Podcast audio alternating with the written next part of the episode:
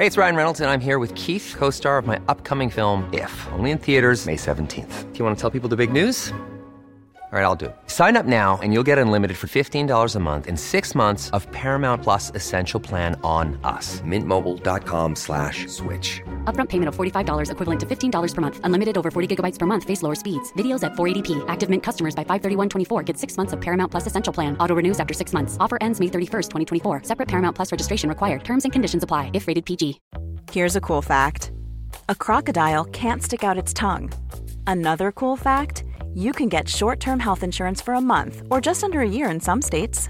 United Healthcare short term insurance plans are designed for people who are between jobs, coming off their parents' plan, or turning a side hustle into a full time gig.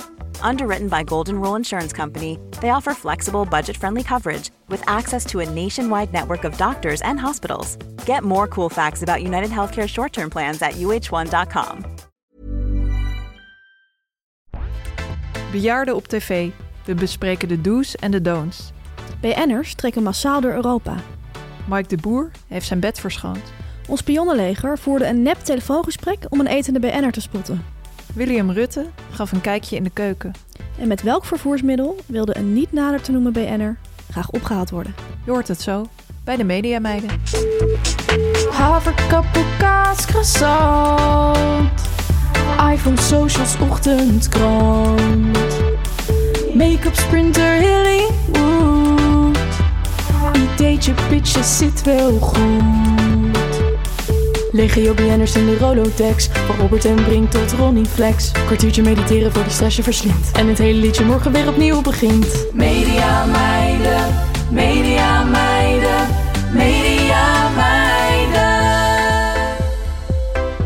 meis, welkom. Eh, we zitten hier met een heerlijke havercappuccino van de koffiejongens. En ik heb bijzonder feestelijk nieuws staan maar.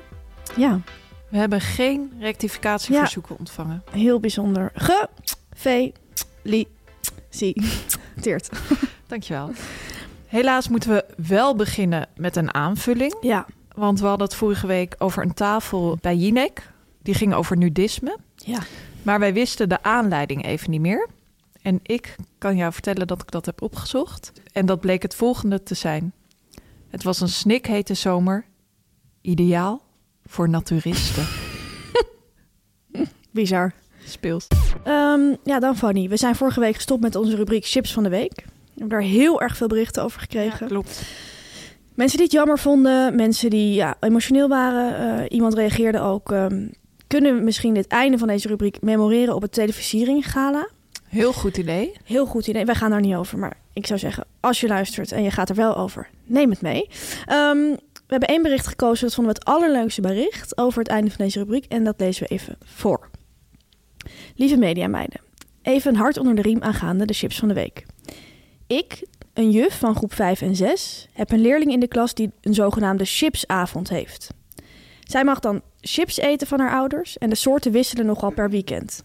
Elke maandag brengt zij ons, dus de klas, tijdens het door de klas in koor gezongen chips van de week momentje op de hoogte van welke chips het zijn geweest. Zo blijft jullie rubriekje toch nog een beetje leven bij mijn 29 mediafiguurtjes van de toekomst. Ga zo door meiden en wij van groep 5 6b kunnen niet wachten op een nieuwe rubriek. Schattig, hè? Zo cute. Dan een eh, ongekend speels bericht. Hoi media meiden. Ik heb het gevoel dat Louis van Gaal naar jullie podcast luistert. Hij gebruikte namelijk zelf ook uiterst speels het woord leveren. En ook nog zoals het gebruikt moet worden. Zelf heb ik ook een tijdje in Hilversum gewerkt. En Van Gaal is zo iemand waarbij alle regels verbroken worden en er enkele selfies worden gemaakt. Een grote speler dus, zoals jullie ook al zeiden. Als Van Gaal daadwerkelijk naar jullie podcast luistert, dan hebben jullie de podcastwereld echt uitgespeeld. Kus een fan. Speels. Ja, Tamer, het zou natuurlijk wel kunnen. Zeker. Zoals ik al eerder heb gezegd, er luisteren heel veel BN'ers naar onze podcast. Ja, En ehm, ja, we hebben eigenlijk zelf ook het vermoeden dat eh, Sigrid Kaag eh, naar onze podcast luistert. klopt. Want zij had op Prinsjesdag een paars pak aan. Mhm. Ehm, zij zei toen, paars staat voor creativiteit en onafhankelijkheid. En ze zei toen zelf, een heel speelse combinatie. Ja, dat moet bijna wel. 1 Ja. plus 1 is 2. Welkom Sigrid. Of mevrouw Kaag moet je dan eigenlijk zeggen. Welkom Mevrouw mevrouw Kaag. Ehm, dan nog even terugkomend op vorige week. We hebben toen een top 5 eh, sneren behandeld. Sneren die we zelf hebben ontvangen in de televisiewereld. Ja, We hebben daar heel veel reacties op gekregen van mensen die ehm, ja, daar heel erg, veel, heel erg van waren geschrokken. Of die heel Ja. erg medelijden met ons hadden. onder andere onze technicus, Teun van de Keuken. Onze nieuwe technicus Steun van de Keuken. Hij is er voor Heel het eerst bij. En tot nu toe doet hij het onwijs goed. Ja, Ehm, ja, heel veel mensen zeiden van gaat het wel goed met jullie en wat erg en je moet het niet normaal vinden. nee, Ik moet zeggen van door die reacties ga je zelf ook weer nadenken dat het inderdaad eigenlijk echt heel bizar is. ja, klopt. Maar we kunnen ook zeggen, inmiddels gaat het weer goed met ons. Inmiddels wel. We hebben ook nog een ehm, mooie aanvulling gehad, want los van die berichten kregen we ook heel veel berichten van mensen die uit de media die het heel erg herkenden. Ja, die Dus soort die ook sneren in gingen sturen. En eh, we hebben een bericht gehad van een oud-presentatrice en dat lees ik even voor. Sappig. Mijn eindredacteur zei vlak voor een live-uitzending tegen mij: Ik heb er eens over nagedacht wat het is met jou. Maar ik weet het al. Je hebt gewoon geen persoonlijkheid. een paar dagen later zei hij: Nou zeg, ik heb nu een opname gezien en daar had je het wel. En tijdens een instart bij een live-uitzending werd ik bijgepoederd. Dan komt de visagist even snel tegen de glim. De visagiste fluisterde: Je ziet er niet uit, zeg. Je lijkt wel een olifant. Vier seconden later zat ik weer in de uitzending. Ik vond die opmerking zo niet kunnen dat ik er ook wel weer heel hard om moest lachen. Fouter dan dit kun je het bijna niet doen. Nou, dit is wel herkenbaar. Ja, Soms, roept, soms moet je gewoon erom lachen. Kan het, kan het gewoon niet anders. Goed. Ze schrijft daarna... Na de uitzending wel tegen haar gezegd dat ze dat nooit meer moest doen. Ze had overigens wel heel erg gelijk. Mijn ouders werden door heel veel mensen gebeld of ik soms zwanger was. ja, tv maakt dik, hè? ja, tv maakt dik. Nou ja, goed. Ja, dat eerste van die eindredacteur, dat vind ik wel echt heel erg showbiz-achtig ook. Ja, ik ook. Zo kei en keihard. Ja, Ja, is gewoon ongelooflijk. Ze schreef ook, het was vlak voor een live-uitzending. ja, Hebben wij ook nog recentelijk wel meegemaakt dat ehm, een presentator met wie wij werkten eh, ook live, nou het was dan niet live, maar die zat in de opname, Semi-live. semi-live. En dan kwam er ook iemand naar hem toe en die zei van, je zit totaal geen energie in je man, kom op! ja. Ga eens wat rechterop zitten. Het komt totaal niet over tot nu toe. Echt op zo'n Ja, toon. En bij die persoon kun je dat beter niet, Niet doen. maar we kunnen niet zeggen om wie het gaat. Nou goed, maar we willen deze eh, oud-presentatrice heel veel eh, kracht toewensen. Zeker. Ja, dan is er nog een vraag binnengekomen. Hoi mediameiden, jullie podcast is mijn favoriet. En als Amsterdamse mediameid wist ik natuurlijk direct wat de tekst was van jullie lieder. Althans, dat dacht ik. In een recente aflevering vertelden jullie namelijk dat de tekst Legio BN'ers in de Rolodex is. Ik verstond en versta eigenlijk nog steeds... liggen jouw BN'ers in je Rolodex? Want BN'ers en gasten worden gedurende de voorbereidingen en opnames... vaak een vreemd soort eigendom van een redacteur. Herkennen jullie dat ook? Als iemand je een moeilijke vraag stelt over een BN'er... dat je je soms dan heel bevrijd kunt voelen... en dat je kan zeggen... nee, die is niet van mij, is niet mijn verantwoordelijkheid. Liefs, een mede-mediameid. Leuk bericht. Ja, Ja, mis- misschien even ter achtergrond voor de mensen die niet in de media werken. Eh, eigenlijk word je tijdens een seizoen bijvoorbeeld van een programma vaak de contactpersoon van een aantal gasten eh, als redacteur. Dat is dan zodat die mensen niet de hele tijd door verschillende mensen worden gebeld en geappt. Daar worden ze BN'ers helemaal gek ja van. want dan heb je ook helemaal niet meer het overzicht. Nee, Want dan worden ze echt drie, vier keer per week Ja. door iemand gebeld. Want die Ja. weet dan weer niet dat die andere ook al ja, had gebeld. precies. Dus eh, je krijgt eigenlijk de gasten binnen jouw eigen portefeuille natuurlijk. Dus als je de politiek redacteur bent, krijg je alle woordvoerders van politici. Als je de boekenportefeuille hebt, zoals jij altijd had, krijg je alle uitgevers, nou, et Alle cetera. schrijvers, ja. Ja, maar dan zijn er ook nog, is er eigenlijk ook altijd nog een lijst van mensen die los daarvan verdeeld moeten worden. Bijvoorbeeld vaste gasten of mensen die niet in een hokje te plaatsen zijn. Hele bijzondere? BN'ers. Ja. Die bijvoorbeeld portefeuilles overstuigen bij twee portefeuilles eigenlijk. Ja. Bijvoorbeeld en politiek, maar ook Amerika. ja. Of, en, En een schrijver, maar ook, hij doet ook, laat zich ook uit over de actualiteit denken aan. Ramsi. Nasser is ook weer acteur. Theater, ja, dus dat wordt echt heel moeilijk. Ehm, die mensen worden dan nog los verdeeld. En ehm, dat is altijd wel grappig, want dan wordt er door de eindredactie altijd een beetje gekeken van wie past nou bij wie. Wie is een beetje hetzelfde type. Dus welke Ja. redacteur kan met deze BN'er goed gaan werken. Ehm, wij kregen, of, of bijvoorbeeld heeft die, die redacteur al eerder met deze persoon gewerkt. Dan is dat ook handig. Wij kregen vaak een beetje die kunstzinnige types aan ons gekoppeld. Klopt. Uh, maar ik had bijvoorbeeld ook opeens een keer Jody Bernal in mijn portefeuille. Dus dan moest ik de hele tijd ook met hem voor allerlei onderwerpen gaan uitzetten. Um, Dat kwam toch omdat jij zijn oude buurmeisje was? ja, we komen allebei uit Delft. Ja. Speelt. En um, Er zijn eh, ook BN'ers die het inderdaad dus echt totaal niet op prijs stellen als ze door iemand anders dan hun contactpersoon worden gebeld. Waardoor je dus ook soms op je vrije dag dan met die BN'er moet bellen. Ja. Omdat hij gewoon weigert met iemand anders te praten. Ik heb zelfs een keer, ehm, was er dus één BN'er met wie we voor het seizoen een soort langere samenwerking aangingen. En toen moest ik bij die BN'er, die wilde echt maar één contactpersoon. En toen moest ik op eh, audiëntie komen bij hem, echt in een café. Oh ja? Toen moesten we koffie gaan Oh ja, ik weet het nog. En toen, als, eh, als hij mij dan niet goed vond, dan moest er ook echt iemand anders komen. Speels. Maar ik ben door de, door de keur heen gekomen. Natuurlijk. Had niet anders verwacht. Maar goed, zo werkt dat dus een beetje op redacties. Degene die dit bericht instuurde vroeg ook of wij het soms ook fijn vinden om te kunnen zeggen: die is niet van mij. En toen moest ik wel aan één situatie denken. Er is één BN'er eh, waar eh, wij in een talkshow veel mee werkten. En een collega van mij had die in haar portefeuille. En dat was echt een hele fijne BN'er om te hebben. Was echt een control freak. Dus die BN'er bereidde het eh, eigenlijk zelf altijd het gesprek heel erg goed voor. Die ging zelfs zo ver dat hij gewoon een lijstje stuurde met vragen die hij gesteld wilde krijgen door de presentator. en ook vaak een suggestie voor instarts. Ehm, als redacteur hoefde hij dus eigenlijk heel erg weinig te doen om deze BN'er voor te bereiden. Dus dat was Niks. wel fijn. Kon Ja. je gewoon op Zalando kleding bestellen. Toen belde eh, hij op een dag op, eh, want hij was een schnabbel aan het doen. eh, in het zuiden van het land ergens. En hij ging het niet meer redden om op tijd in de studio te zijn. Of in ieder geval zo mogelijk in de file komen te staan. En toen belde hij naar de redactie. En toen vroeg hij... Ja, ehm, zou er misschien een helikopter kunnen komen om mij op te halen? Nee. En toen, toen hoorde ik op een gegeven moment de producer zo ehm, over de redactie roepen: Wat? Wie heeft er een helikopter aangevraagd? en toen was ik wel heel blij dat ik kon zeggen: Die is niet van mij. Snap ik. Ja, Tamer, dan de gespotte BN'ers. Ehm, leuk nieuws. Wij hebben zelf ook een BN'er gespot deze week. Wij waren lekker een koffietje aan het drinken. Mhm. En wie zat er naast ons? Rick Brandsteder. Met een tosti. Echt lekker. Ik denk een tosti hamkaas, maar dat konden we net niet zien. Nee. Hij had, echt, hij had zo'n baseballjekka. Ja. Nou goed, nu de gespotte BN'ers die door ons meidenleger zijn gesignaleerd. Nogmaals, voor de mensen die het niet weten. Luisteraars kunnen ons berichten insturen over BN'ers die zijn gesignaleerd met eten of drinken. We willen Ja. niks weten over intriges, vreemdgaan, geld, rare constructies, affaires. Alleen over eten en drinken. Ehm, en vorige week hadden we het over Martijn Krabbe. Die was gesignaleerd in de Premium Lounge op Schiphol. Dat was een heel leuk bericht. En het geestige is dat nog iemand hem daar heeft gezien. Ja. Lieve mediameiden, wat een heerlijke podcast hebben jullie. Altijd een feestje. Elke keer dat voorlezen. Ja, altijd erbij laten staan. dat kunt er ook een keer uithalen. Ehm, nu hoorde ik dat Stefan Martijn Krabbe had gespot in de KLM Business Lounge. Nu wil het toeval dat ik daar ook was.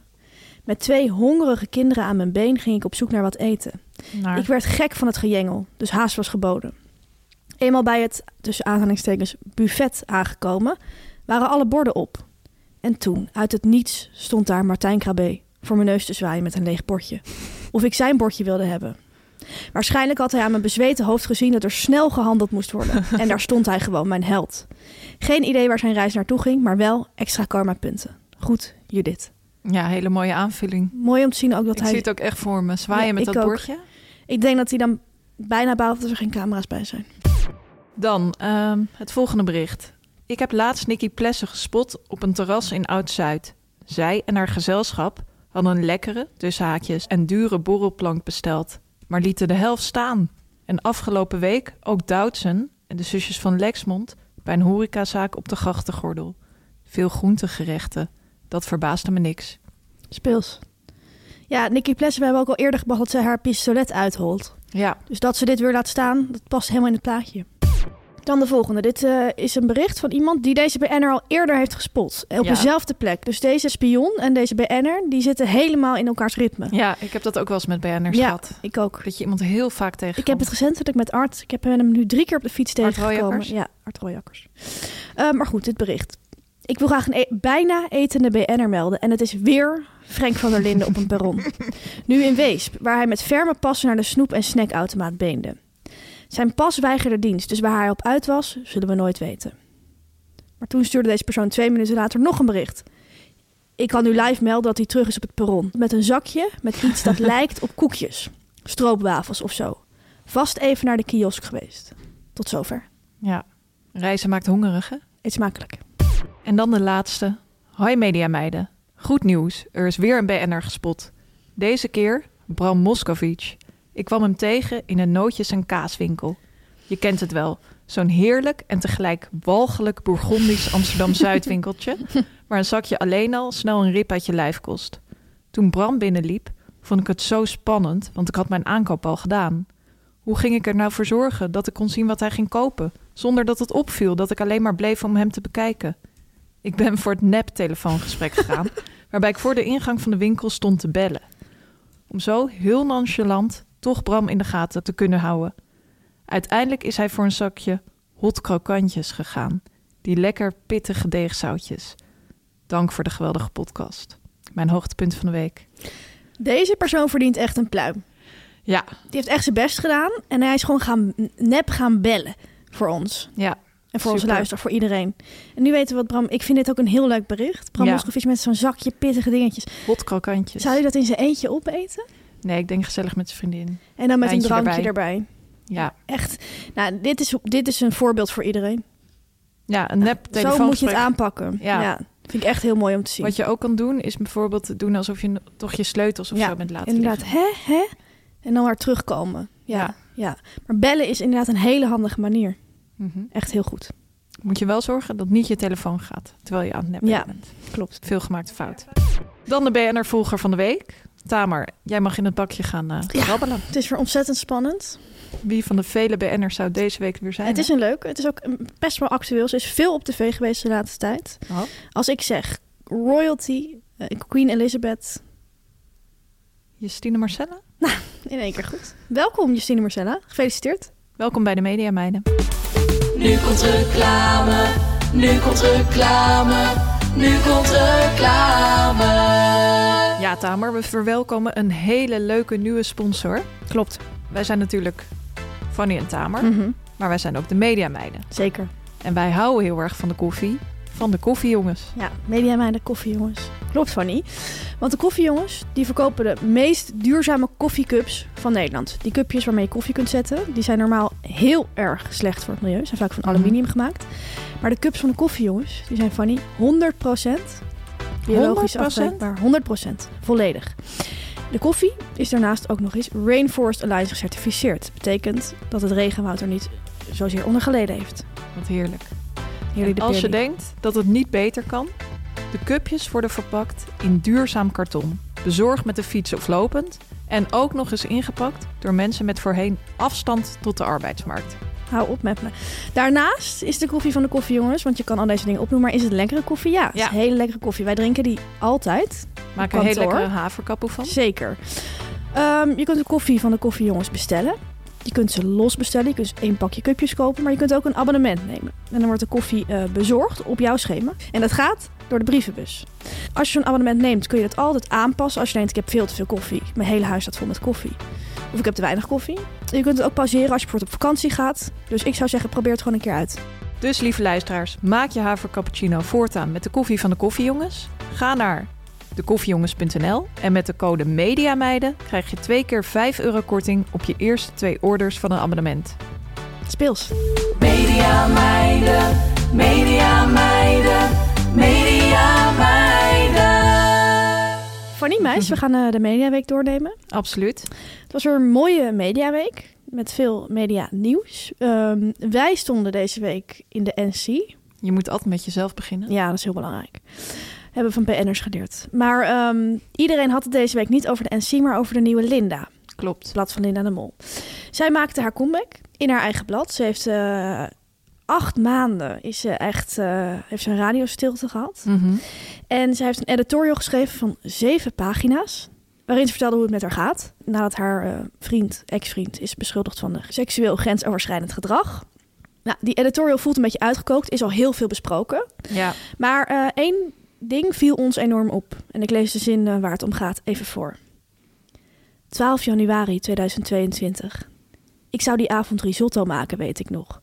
Maar het was de dag waarop de mail van Tim Hofman in één vernietigende klap alles veranderde. Heftige zin. Mhm. Welke risotto denk jij dat ze aan het maken was? Ja. Wij appten direct naar elkaar. Risotto. Risotto was één woord was genoeg. Ik wist meteen waar het over had.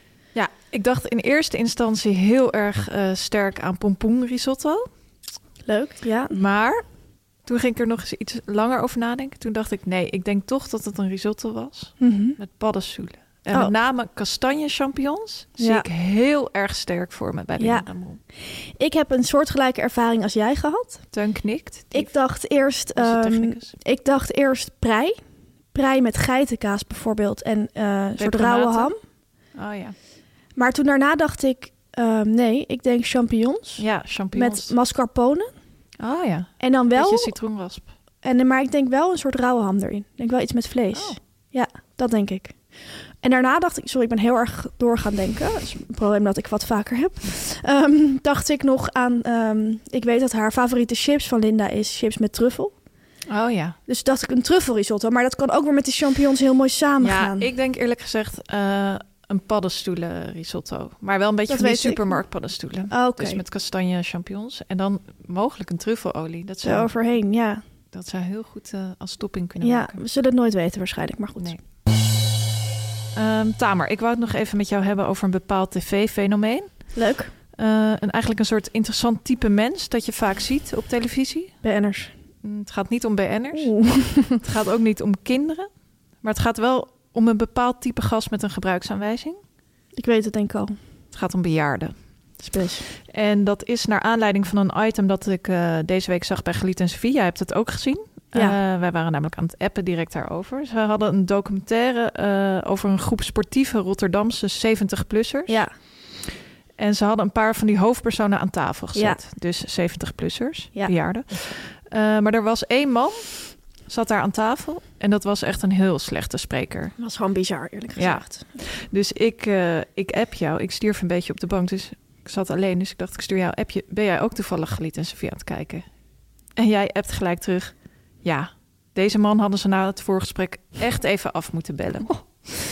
Ja, Ehm, ze staan nog steeds achter. Ook al vind ik hem een lieve man. Ja, ik vind het ook een lieve man. En toen zat ik er nog over te denken van... Ja, het gebeurt natuurlijk heel erg vaak. Het is een hele lieve man. En waarschijnlijk was hij ook in de documentaire over die 70-plussers... die sporten heel erg Ja. leuk. Dus dan denk je van... oh, we moeten echt die hoofdpersoon, die ene bepaalde man aan tafel hebben. Maar iemand kan in een documentaire natuurlijk heel leuk of ontwapenend zijn. Ja, Maar in een talkshowgesprek is het toch heel erg anders... als Ja. je iemand naar de studio haalt. ja, dat werkt dus niet één op één ehm, Nee. naar de studio te halen. En daarom doe je dus eh, altijd voorgesprekken. Ja, Zeker met normale mensen is dat heel erg belangrijk. mensen die niet bekend zijn. Ja, want van BN'ers weet je meestal al hoe ze praten en of ze leveren. Ja, Maar bij normale mensen eh, moet je ook eigenlijk gewoon nog uittesten of ze wel überhaupt kunnen of praten. ze geschikt zijn. Ja, En dan is het heel erg als je dus daarna moet afbellen. Want je kan natuurlijk nooit tegen iemand zeggen... eh, je praat niet goed genoeg. nee. Dat kan niet. Dus hoe, hoe had jij deze man dan precies afgebeld? Ja, je kan natuurlijk al zeker niet tegen zo'n bejaarde lieve man zeggen van... u praat niet goed genoeg. Nee. Dus wat ik vaak deed, wat mijn tactiek was, is om dan iets... Dat kan bij normale mensen heel goed, want die snappen niet hoe het, hoe het technisch en zo allemaal werkt. Dus wat je kan doen, is dat je echt het heel onduidelijk gaat maken. En het een beetje gaat, dingetjes gaat verzinnen. Maar die dan zo raar lijken dat iemand het gewoon helemaal niet snapt. En ook niet kan zeggen van, hè, maar... Dus ik zou misschien zeggen van, ja, meneer eh, Puppel de Pup. Ik weet niet meer wie heet. Meneer Huppel de Pup. Ehm, heel erg bedankt voor het leuke gesprek. Ik vond het echt onwijs leuk. En eh, ja, de documentaire was ook echt geweldig. Eh, ik heb wel vervelend nieuws, want ehm, ja, de, uitzending is voller geworden doordat er wat nieuws is bijgekomen. En daardoor is er nu een extra stoel bijgezet. En daarom is er net niet genoeg plek voor bij jullie onderwerp. Dus we moeten één spreker toch naar de bank verschuiven. Dus Ja. dan ben je wel gewoon in de studio. Bent u natuurlijk, bent u gewoon wel in de studio, bent u wel in beeld, kunt u wel een beetje deelnemen aan het gesprek. Maar doordat eh, er dan niet genoeg eh, microfoons zijn, kunt u niet meer aan tafel zitten. Want dan wordt het te rommelig en dan komt u misschien ook helemaal niet goed eh, aan bod. Dus het zou ook jammer zijn. Dit komt eigenlijk doordat er eh, nu op de Gazastrook nog eh, dit en dit is gebeurd. Dus het is heel veel, maar ik kan er ook niet omheen. Dus, maar u bent hartstikke welkom en dan kunt, kunt u lekker mee eten en zo. En dan zit mevrouw de Vries wel aan tafel en dan zit u erachter. Zoiets. Ja, ja. Hoe erg het ook is. ja, het probleem is alleen... ehm, ik vind bejaarden afbellen dus eigenlijk wel heel erg moeilijk. Want Ja, het probleem is het wel vaak dat ze het ook helemaal niet goed begrijpen. Nee. En eh, ik heb wel eens meegemaakt, eh, ook bij een talkshow was dat. Toen eh, wilde de presentator op een nieuwsluwe dag... wilde hij eigenlijk ehm, een panel Ja. van 400-jarigen... Ja. die het nieuws zouden gaan doornemen. Dus een soort van meta manier van het nieuws beschouwen. Van, nou ja. Dus wij moesten dat gaan proberen. Mhm. Maar eh, dat is natuurlijk een idee wat heel erg leuk klinkt. Ja, Alleen om het te gaan uitvoeren is best wel ingewikkeld. ja. Want vind maar eens vier goed sprekende, leuke eh 100-jarigen. Die in een paar uur waarschijnlijk in de studio Ja, kunnen staan. Dus op het begin eh, was het al zo dat we gingen bellen naar die bejaardentehuizen en verpleeghuizen. Wat erg. En ehm, dan moet je dus ook al uitleggen, ze moeten echt allemaal 100 zijn. Ja, Daar ging het al heel erg vaak mis. ja, Dan hadden ze hele goede sprekers, maar die waren dan bijvoorbeeld 98 of 99. dat kan niet. Dat was niet goed. Ehm, vervolgens was er later op die dag, ehm, we hadden er wel een paar gevonden, was er echt groot nieuws gebeurd. Mhm.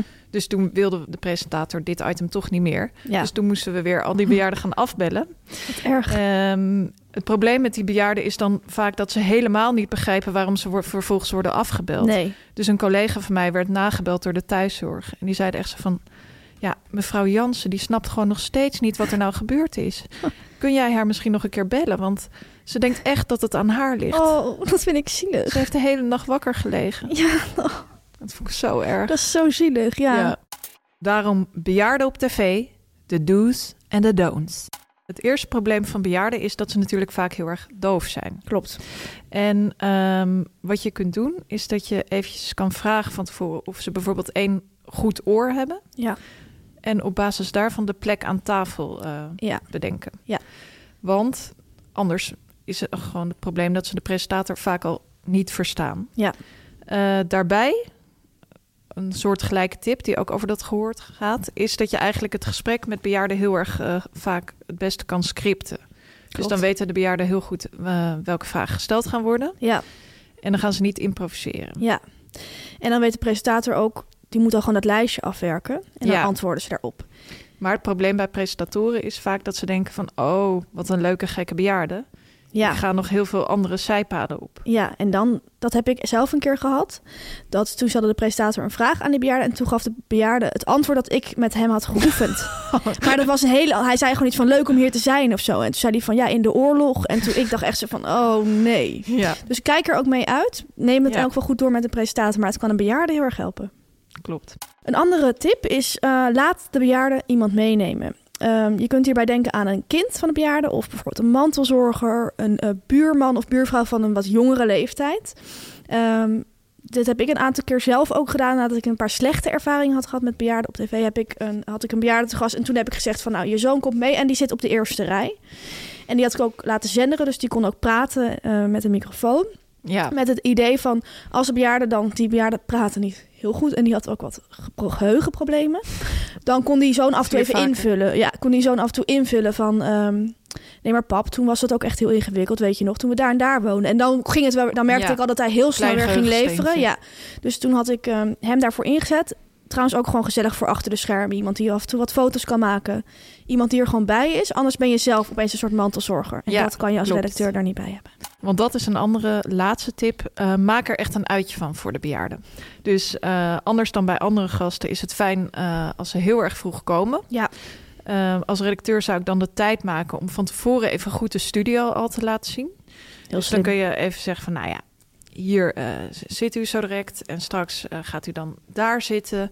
Ehm, dan kan de bejaarde ook even reageren van, goh, het is veel kleiner dan op tv. Inderdaad. Als je dat niet doet, dan zitten ze echt zo eh, tijdens, om zich heen Ja. te kijken. tijdens het gesprek echt Ja. zo heel verbaasd om zich heen te kijken. Ja. Alvast een beetje wennen aan het felle licht, aan alle mensen, de, de cameraman, de, De opnameleider. Ja. Dit is de autocue, daar leest de presentator straks de Ja. tekst van. Niet meelezen. En dan eh, de bejaarde in kwestie gewoon even lekker in de watten leggen. Een lekker hapje laten eten. Misschien een Als drankje erbij. lukt, maar Het eten let op, eventueel als het niet lukt. één drankje. Mhm. Want anders vallen ze in slaap. Ja. Gisteren zaten wij trouwens de dimsummen met een aantal mediameiden uit de, uit de showbiz-industrie. Ja. En eh, toen hadden we het al eventjes over eh, bejaarden in de showbiz. Mhm. En toen zei een van die re- eh, redacteuren met wie we zaten te dimsummen... van Jan Slachter, mag Ja. je die nooit bejaarden noemen? Klopt. Je moet ze ouderen noemen. Als Jan Slachter het zegt, is het waar. Ehm, dan Fanny. Eh, van bejaarde naar William Rutte. Hij is een eh, fotograaf. Je kunt hem kennen uit het perfecte plaatje. Je kunt hem kennen omdat hij ongelooflijk vaak bij Humberto Tan aan tafel zit. Volgens mij is dat ongeveer zijn beste vriend. Humberto Tan ging dit weekend trouwens met hem. Heeft, hij heeft een nieuwe rubriek. Leuk. Back Home. En dan gaat hij met BN'ers terug naar hun ouderlijk huis. Oh, mooi. En hij, wilde, hij had echt aangegeven van het lijkt ons heel mooi om te zien waar het allemaal is begonnen. En William Rutte die ehm, komt uit Leersum. En dat huis waar hij is geboren, daar wonen zijn ouders helemaal niet meer. Dus hij ging gewoon in een, een huis waar nu mensen wonen, ging die dan kijken. Ja, zijn slaapkamer. Hier is het allemaal begonnen met meisjes en met dingen. En hier stond ik toen. En hij was heel blij, zei hij, dat ik dit nu aan mensen kan laten zien. Ik dacht van, heb je geen foto's van je jeugd? Maar goed, heel mooi dat uh, Humberto Tan dit faciliteert. Waar ik het over wilde hebben. William Rutte is dus die fotograaf. Hij heeft een bril op. Hij fotografeert vaak ja, echt grote sterren. Ja. Grote namen. En hij is echt al heel lang fotograaf. Maar het is niet echt een kunstzinnige fotograaf. Het is meer uh, persfoto's. Doet hij ook veel voor RTL bijvoorbeeld. Um, het leuke is dat hij op Instagram heel erg veel uitleg geeft. Dus hij duidt vaak dingetjes opeens. Laatst plaatste hij ineens een foto van Harry Styles. Nu een hele bekende zanger. Zat ooit in One Direction, een boyband. En dan zet hij daar ineens bij van... Er is bijna altijd wel eentje in een groep die het grote succes ook solo voor elkaar krijgt. en dat vind ik mooi om te zien dat hij ook de dingen die hij fotografeert ook duidt. Ja. Hij weet er echt veel van. Waar ik het over wilde hebben is dat hij... Um, ja, ik volg hem al een tijdje, maar wat ik voor het eerst nu heb gezien... is dat hij echt een kijkje uh, in de keuken heeft gegeven. Hoe maakte hij die foto's precies? En ik ga je daar nu meenemen. Ik lees zijn post voor. Onze prachtige nieuwe Miss Nederland. Gefotografeerd met acht flitsers en verschillende lichtshapers. Drie van achter voor haar en lichaam rimlicht. Ik denk dat hij dimlicht bedoelt, maar... Um, Eén ronde spot recht achter haar op de achtergrond gericht om haar hoofd en haar meer los te laten komen van die achtergrond. Twee voor, waarvan één rechts en één van voren als invul. En dan nog twee zachtjes op de achtergrond om de papierrollen iets lichter te maken. Dan ook nog twee vlaggen gebruikt om de bone structure mooier, beter uit te laten komen. Niks leukers dan spelen met zoveel verschillende lampjes. Hashtag nerdstaf. Ja, Tamer, we blijven in huiselijke sferen. Speels. Groot nieuws. Mm -hmm. Mike de Boer heeft gisteravond zijn bed verschoond. Lekker zeg. Hij deelde een foto op Insta van zijn bed met daarbij de tekst... Zondag. Kunnen jullie ook zo genieten van een lekker schoon bedje? Geniet jij daar ook zo van? Ik wel, ja. Jij? Ja, vind ik heerlijk. Lekker zacht. Die strakke lakens. Ik hou er ook heel erg van. Ja, Tamer, het is buiten wat guurder. Ik en jij ook eigenlijk. We zijn echt herfstvrouwen, hè? Ja, ik hou er wel van alle seizoenen, maar nu is ik helemaal in die herfstvibe. Ja, lekker de kaarsen aan, Ja. rode wijn. Ja. Ehm, veel mensen in mijn omgeving willen echter terug naar de zomer. Mhm. Die willen het liefst zo snel mogelijk weer op een citytrip of eh, een lekkere zonbestemming Ja. boeken. Ja. Ehm, in eerdere afleveringen hebben wij al gezegd van je hoeft niet altijd dat vliegtuig te pakken. Nee. Je kunt ook op een andere manier reizen. Galit Kassem bijvoorbeeld met de elektrische auto. Ja. Of, nog veel speelser en budgetvriendelijker, je kunt gewoon een BN'er volgen die op reis is. Via zijn Instagram-account. Speels. Ja. Kun je gewoon vanaf je werk doen, bijvoorbeeld. En dan thuis. lijkt het toch of je op reis bent. Eh, nou heb ik heel erg mooi nieuws. Want de NS verwendt ons dit najaar met een heel bijzondere samenwerking. Oh, wat leuk. Ze hebben twee unieke BN'ers samengebracht om naar Berlijn te reizen. En wij mogen meegenieten. En het gaat om Dennis Wening en Abby Hoes. Nee. Samen gaan Abby Hoes en Dennis Wening zorgeloos met de trein naar Berlijn. Ze hebben heel veel zin in hun reis. Dus let's go. Is te lezen op de site van de NS. Ja. En dan eh, zijn er vier eh, korte mini-afleveringen... Mhm. waarin zij gevolgd worden tijdens een treinreis. En eh, ik heb dat dit weekend lekker zitten kijken. Vanuit bed. En ze zitten die vier afleveringen alleen in de trein? Of komen ze ook in Berlijn Ze komen aan? ook daadwerkelijk in Berlijn aan. Neem me mee. Ehm, maar ik kan het echt iedereen aanraden om deze aflevering lekker te kijken. Eh, ze voeren daarin allemaal van die hele ges- gescripte gesprekjes. Zo van, Speels. zegt Dennis, heb jij wel eens eerder zo'n verre treinreis gemaakt? Nee, zegt Dennis dan. Ik ga altijd met de auto. Maar het is eigenlijk wel heel relaxed reizen met de trein. In de trein heb je rustig de tijd voor een goed gesprek. Ook kan ik echt even mijn eigen ding doen. Nee. Ja. Dit zei die echt? En dan eh, vervolgens zie je zo'n shot dat Abby met haar koptelefoon op zit... naar dancemuziek aan het luisteren is. Ze is echt zo duidelijk haar eigen ding aan het doen. En dan de volgende aflevering zegt Abby... hey, je ziet er wel uit alsof je ook honger hebt. Zullen we even naar de bistro gaan? En dan zegt eh, Dennis... Wat? Is hier een bistro? dan lopen ze dus naar die bistro toe. Ja. En dan gaan ze ondertussen eh, gesprekjes aanknopen met andere treinreizigers die Leuk. ook naar Berlijn Dat gaan. is Dan wel zeggen ze van, zo, ook naar Berlijn? Ja, ik denk het wel. Niet naar Parijs lijkt me. Dat is wel leuk. Dat kan in de auto natuurlijk niet. Dat kan natuurlijk in de auto niet. Nou, het is echt een heerlijke serie. Ik wil iedereen aanraden om ik ga dit kijken. kijken. Ik snap wel dat ze Abby Hoes hebben gevraagd. want Dat is natuurlijk een actrice. Ja. Eh, het leukste moment vond ik dat Abby op een gegeven moment tegen Dennis zegt van... Nou, Dennis, jij hebt natuurlijk voor jouw werk de hele wereld rondgereisd. Wat is nou jouw meest memorabele reis geweest? En dan zie je Dennis, zegt ze zitten en die zegt... Oeh, oeh. Wat denk je dat Zoveel zegt? toffe bestemmingen, zegt hij eerst. Kan bijna niet kiezen.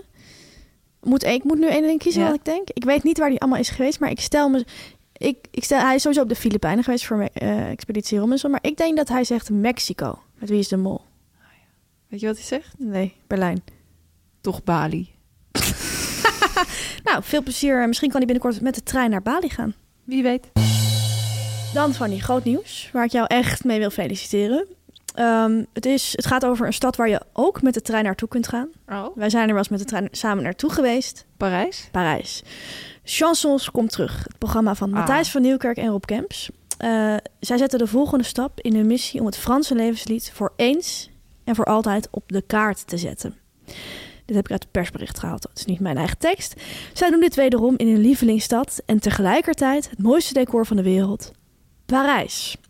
Ehm, Matthijs heeft over de opnames van het nieuwe seizoen gezegd ehm, dat het in alle opzichten opwindend was. Hmm. Vond ik een mooie keus. Ja, de twee eh, goede vrienden, want ze zijn, dat is het leuke, zijn echt vrienden. Hè? Die hebben weer een heel groot deel van de zomer in Parijs doorgebracht. Eh, nieuwe serie komt eraan vanaf 9 oktober. En het mooie is dat ze echt zijn gaan innoveren. Ze hebben natuurlijk al die eerste serie gemaakt. Veel mensen gesproken, veel dingen gezien, mooie muziek gehoord. Ehm, maar wat je soms ziet bij eh, series die een tweede seizoen krijgen, maar dat echt een vervolg is, dus waarin echt een stap is gemaakt, Mhm. dan wordt de titel een klein beetje aangepast. Ja. Zo had je bijvoorbeeld ooit de zomer voorbij, dat wordt dan de winter voorbij. Dan is er iets, net Ja. iets veranderd. Of er komt een dubbele punt in de titel. En dan komt er iets achter te staan wat een aanvulling is op dat eerste seizoen. Het leuke is dat eh Matthijs en Rob echt ervoor hebben gekozen om op een unieke manier die titel te gaan innoveren. En te gaan aanpassen. Ehm, het programma heet eerst Chansons, Ja. met één uitroepteken. En het heet nu Chansons met twee uitroeptekens. Ja, dat vond ik echt heel erg goed bedacht. Het, heet, ja, het is nu eigenlijk harder, dus chansons harder nog. En ik dacht wel van, als zij hier lang mee door willen gaan, wordt het uiteindelijk heel raar. Want dan staat het, er, staat het echt Staan er keihard meer uitroeptekens dan, eh, dan letters. Dus daar zou ik voor uitkijken. Het zou ook een teken kunnen zijn dat het niet lang nog doorgaat. Ik denk op zijn minst nog een derde seizoen. Chansons Chansons met drie uitroeptekens zie ik sterk voor me. gaat het in de gaten houden. Ja, Tamer, dan heftig nieuws. Oh, Een quote van Linda de Mol van deze week. Johnny de Mol wordt letterlijk gegijzeld. wist jij dat? Nee, dat vind ik wel heel naar. Door wie zou hij nou worden gegijzeld? Ja, In een kelder of zo? heeft hij wel eten? Ik weet het niet. Ja, Tamer, pak nog maar even een Italiaans koekje. Lekker. Eh, neem nog een slok van die heerlijke koffie van de koffiejongens. Doe die heerlijke haverkap. Mhm. Want deze herfst zal een Italiaans tintje krijgen. Speels. Naast Frans. En Naast Berlijns. Frans En Berlijns. Bo van Ervedorens maakt na serie Lago di Bo de serie Isola di Bo. Ongekend.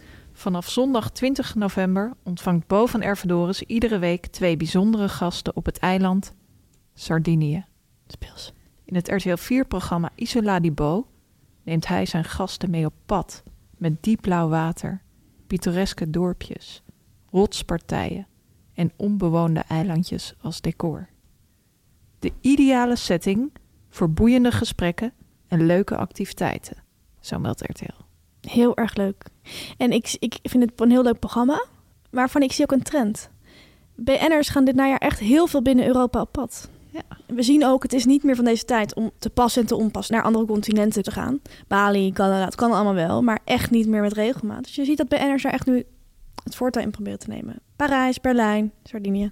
Mooi om te zien. Mooi om te zien. Ja, dan eh, nog heel eh, speciaal nieuws van die. We hadden het net al even over een trend. We hebben eerder een, een trend gesignaleerd. En dat is dat steeds meer BN'ers 50 zijn. Ehm, het is begonnen bij Vrouwtje de Bot. Maar ook andere BN'ers zijn ze er echt niet voor terug om 50 te worden. En ehm, deze week is er weer iemand aan het rijtje toegevoegd. En dat is Richard Groenendijk. En ehm, hij heeft deze grote stap zelf aangekondigd op Instagram. En eh, dat lezen we even voor. 50 jaar. Drie uitroeptekens. En ze waren alle 50 fantastisch als ik zo terugdenk. Natuurlijk wel in stevige dieptepunten, maar die kunnen niet in de schaduw staan van de hoogtepunten. Ik ben gezegend met de allerliefste man, de liefste ouders, geweldige vrienden, trouwe fans en heb van mijn hobby mijn werk kunnen maken. Wat wil mens nog meer? Het is een fantastisch leven. Vandaag hou ik het rustig. Lekker terug naar mijn geboortegrond voor koffie met taart bij pa en ma. Maar morgen geef ik voor het eerst van mijn leven een feest op een voor mij bijzondere plek. Daar heb ik heel veel zin in. Iedereen dank voor alle lieve felicitaties en ik ga met veel zin en goede moed een nieuw decennium in. Mooi. Mooi. Wij willen Richard van harte feliciteren namens het hele team van de Media Meiden. Gefeliciteerd. Nu komt reclame, nu komt reclame, nu komt reclame. Ja, Tamer, het culturele seizoen is weer geopend. Ja. We mogen weer. Ja, En het is bijna tijd voor de Cello Biennale in Amsterdam. Een internationaal muziekfestival in het Muziekgebouw en het Bimhuis. Van 20 tot en met 29 oktober. Ik vind het best wel leuk, want ik heb eh, vroeger heel erg veel uren naar de cello geluisterd. Oh ja? Een van mijn beste vriendinnen uit mijn kindertijd speelde cello. Het is echt een geweldig instrument. ja, Als, vind ik heel mooi. Ja. Ehm, dus ik ga hier zeker naartoe. Want tijdens de Cello Biennale kun je tien dagen lang genieten van een bomvol programma. Allemaal dus met die cello in de hoofdrol. Er zijn internationale cellisten, beroemde ensembles en grote orkesten. Die spelen klassieke muziek, maar ook soms pop, rock, jazz, eh singer-songwriter-achtige muziek, wereldmuziek. Echt alles is mogelijk met die cello. Zelfs electro. Fanny. Nou ja, Zou je zeg. misschien niet denken, hè? Wat ik heel erg leuk vind is dat je eigenlijk je eigen dagprogramma helemaal samen kunt stellen. Je begint je dag bijvoorbeeld bij Bach en Breakfast. Heel Speels. erg speels vond ik dat. Ja, leuke alliteratie. Lekker een ontbijtje met een cello suite van Bach. Je kunt daarna nog naar een masterclass of juist lekker gaan ontspannen bij een mooi klassiek concert. Wat je ook kunt doen, Fanny, is middags, en dat is misschien voor jou heel leuk, is dat je naar een kinderconcert kunt gaan. Ja, met mijn dochter. Ja, je hebt een dochter van vijf. Er is een kinderconcert, bijvoorbeeld de familie Vermi, streepje, Sally. Dus meer, dat is een leuk Oh, bedacht, leuk. hè? En dat is een muzikale roadtrip over jezelf zijn. Is voor iedereen vanaf vijf jaar. Je dochter is vijf. Oh, my cute. Tamar, eh, je kan de dag dansend afsluiten. Dat is dan misschien weer heel erg leuk voor jou. Ja, ik ben wat jonger. Bijvoorbeeld in het Bimhuis bij Cellofest. Daar komt juist niet klassieke muziek. Leuk. Bijvoorbeeld de Franse meidengroep LAJ. Dus popmuziek met een cello. En een meidengroep. Dat vind ik Ja. sowieso leuk. Speels. Cello meiden. Heel erg speels. En je zegt het al cello meiden, want wij hebben een leuke kortingscode. Ja, belachelijk Met leuk. de code cello meiden 22 en dan één uitroepteken in hoofdletters. Ik herhaal cello meiden 22 uitroepteken. Ontvang je 20% korting op een selectie van de concerten. Als je nou wil zien om welke concerten dat gaat en eh, als je die code wil invoeren, ga dan naar cellobiennale.nl slash mediameiden en cello biennale schrijf je C-E-L-L-O P-I-E-N-N-A-L-E. Pling, pling, pling, pling. Veel plezier. Veel plezier. Het etablissement van een BN'er. Ja, BN'ers. Ze hebben tv-programma's, radioshows, concerten, autobiografieën, biografieën. Ze hebben hun eigen kledinglijn, maar toch willen ze allemaal ook nog een restaurant. En wij gaan erheen. Met deze week Gertrude van Geza Wijs. Klopt, Fanny. Geza Wijs is een acteur. Hij is ook DJ. Hij heeft meerdere restaurants. Ehm, en ik heb heel even opgezocht waarom hij dit restaurant Gertrude is begonnen. Zijn motivatie was dit. Ik ben nu op de leeftijd dat ik geen zin meer heb om elke week te gaan stappen. Maar wel graag ergens tot laat een goed glas wijn wil drinken. Hij gaf vervolgens aan dat er in Amsterdam nog geen enkele plek was waar dat op een gezellige manier kon. Vond ik nogal een statement. Maar hij heeft het dus toen maar zelf opgericht. Ja, en dat is heel erg fijn. Ja. Wij houden van wijn. En Dus wij zijn gezellige plekken. Ja. Ja. Eh, wij zijn niet de enige die er naartoe zijn gegaan. Nee. De afgelopen tijd zagen wij al op Instagram dat het echt een plek is om, eh, om gezien te worden. Het is in Amsterdam. Eh, heel veel BN'ers gaan er vaak eten. Ook heel veel talent agencies. Dus ehm, ja, managementbureaus. Dus Die komen er vaak lunchen met hun talenten. Ja. Of die gaan lekker met de meiden van kantoor daar wat eten. ja, het is echt zo'n plek voor een beetje voor media mensen. Ja, alle mediamensen gingen erheen. Dus wij natuurlijk ook. En eh, wij begonnen het feest natuurlijk met een eh, glaasje oranje wijn.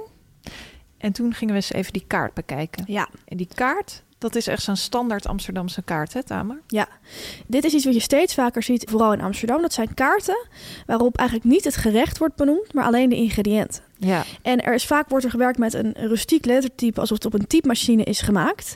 En dan staan er ingrediënt en dan een koppelteken, ingrediënt, koppelteken, ingrediënt. Dus er zou bijvoorbeeld kunnen staan getooste zuurdesem, koppelteken.